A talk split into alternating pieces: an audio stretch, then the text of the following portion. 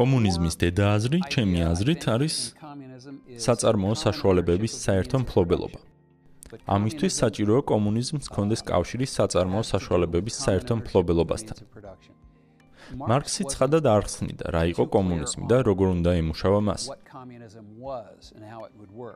იგი უფრო მეტდროს უთმობდა იმის ახსნას, თუ რა არ იყო კომუნიზმი.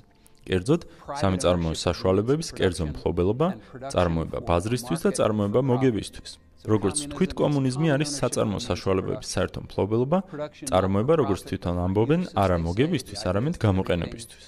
იდეალური კომუნიზმის პირობებში ადამიანებმა სხვადასხვა საქონელი უნდა აწარმოონ არა მოგების მისაღებად, არამედ კოლექტივისთვის.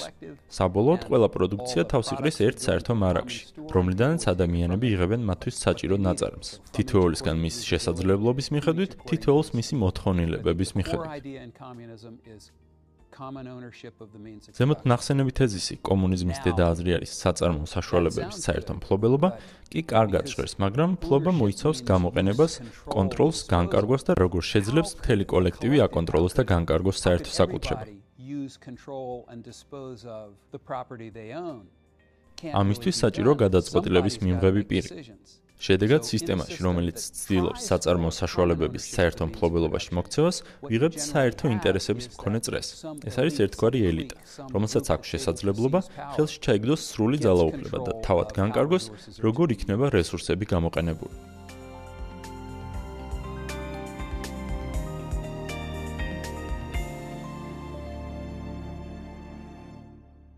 გირჩის თარგმანების პროექტი crowdfunding პლატფორმაზე გადადის. გახდით ჩვენი შემომწირველი patreon.com-ზე. Patreon ლინკი იხილეთ ვიდეოს description-ში. დიდი მადლობა ყველა ჩვენს შემომწირველს. განსაკუთრებული მადლობა კი გიორგი ყაბანაშვილს და გიორგი მამალაძეს.